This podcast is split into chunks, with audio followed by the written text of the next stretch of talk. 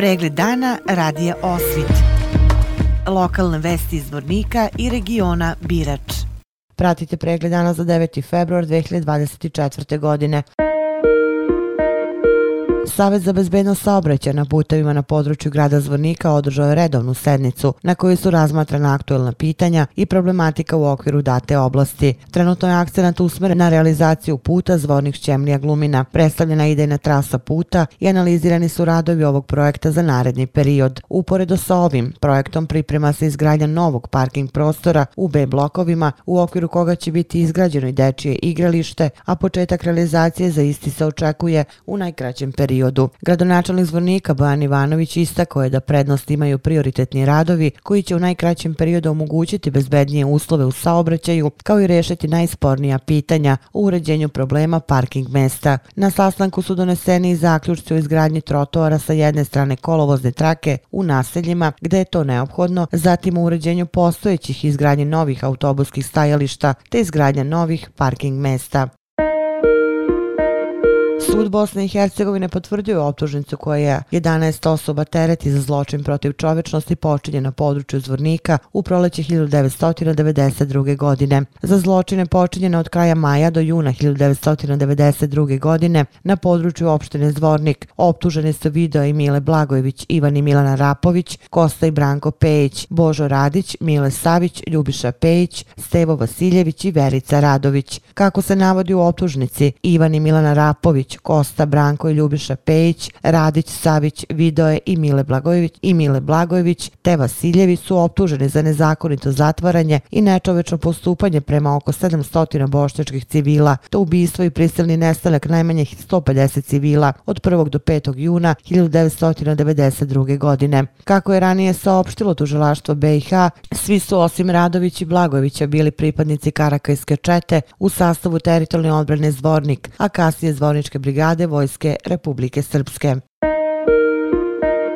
Državni sud potvrdio optužnicu protiv četvorice bivših zvaničnika civilnih, vojnih i policijskih vlasti u Zvorniku, koji se terete da su krajem maja i početkom juna 1992. godine učestvovali u širokom i sistematičnom napadu na bošnjačko stanovništvo. Optužnica je potvrđena protiv Dragana Spasojevića, Vinka Radovića, Dragomira Vasića i Petka Panića, koji se terete da su postupali protivno pravilima međunarodnog humanitarnog prava, kršeći odrebe Ženevskih konvencija o zaštiti civilnih lica za za vreme rata. Navedeno je da su kao sa izvršioci učestvovali u prisilnom preseljavanju oko 4000 bošnjačkih civila s područja sela Đulići, Klisa i okolnih sela, prema kojima su nečovečno postupali, kao i da je oko 600 civila nezakonito zatvarano.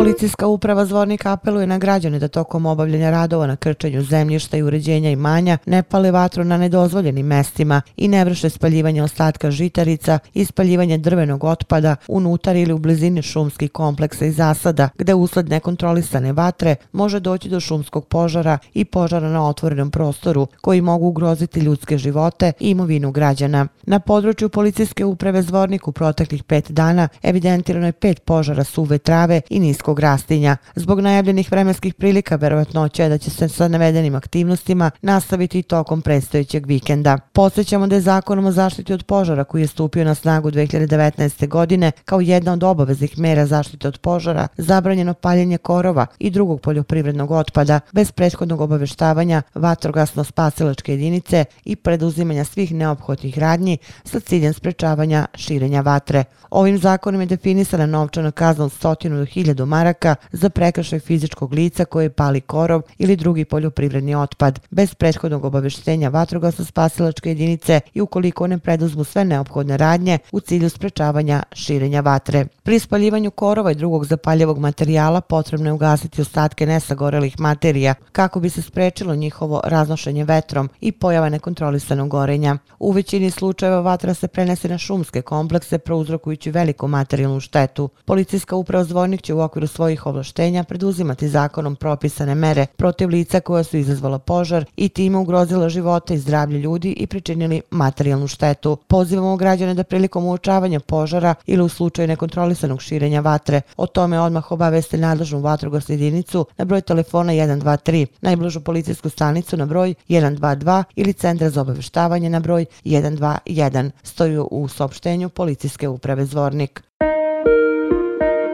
Pozorišnom predstavom Ježava kućica pozorišta mladih Milica Topalović iz Bratunca. Večeras u Domu kulture počeće festival Dečijeg pozorišta u Bratuncu. Festival Dečijeg pozorišta je manifestacija koja se po prvi put dešava u Bratuncu, a organizatori su udruženje Art Bratunac i Dom kulture Bratunac uz podršku Ministarstva civilnih poslova Bosne i Hercegovine. U okviru festivala u narednih mjesec dana biće odigrano pet predstava za decu različitog uzrasta, a biće organizovane i radionice izrade lutaka i scenografije.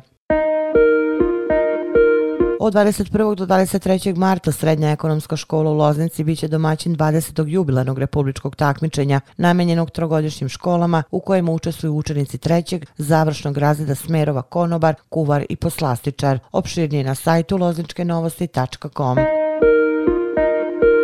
Pratili ste pregled dana za 9. februar 2024. godine. Hvala na pažnji. Pregled dana radija Osvit.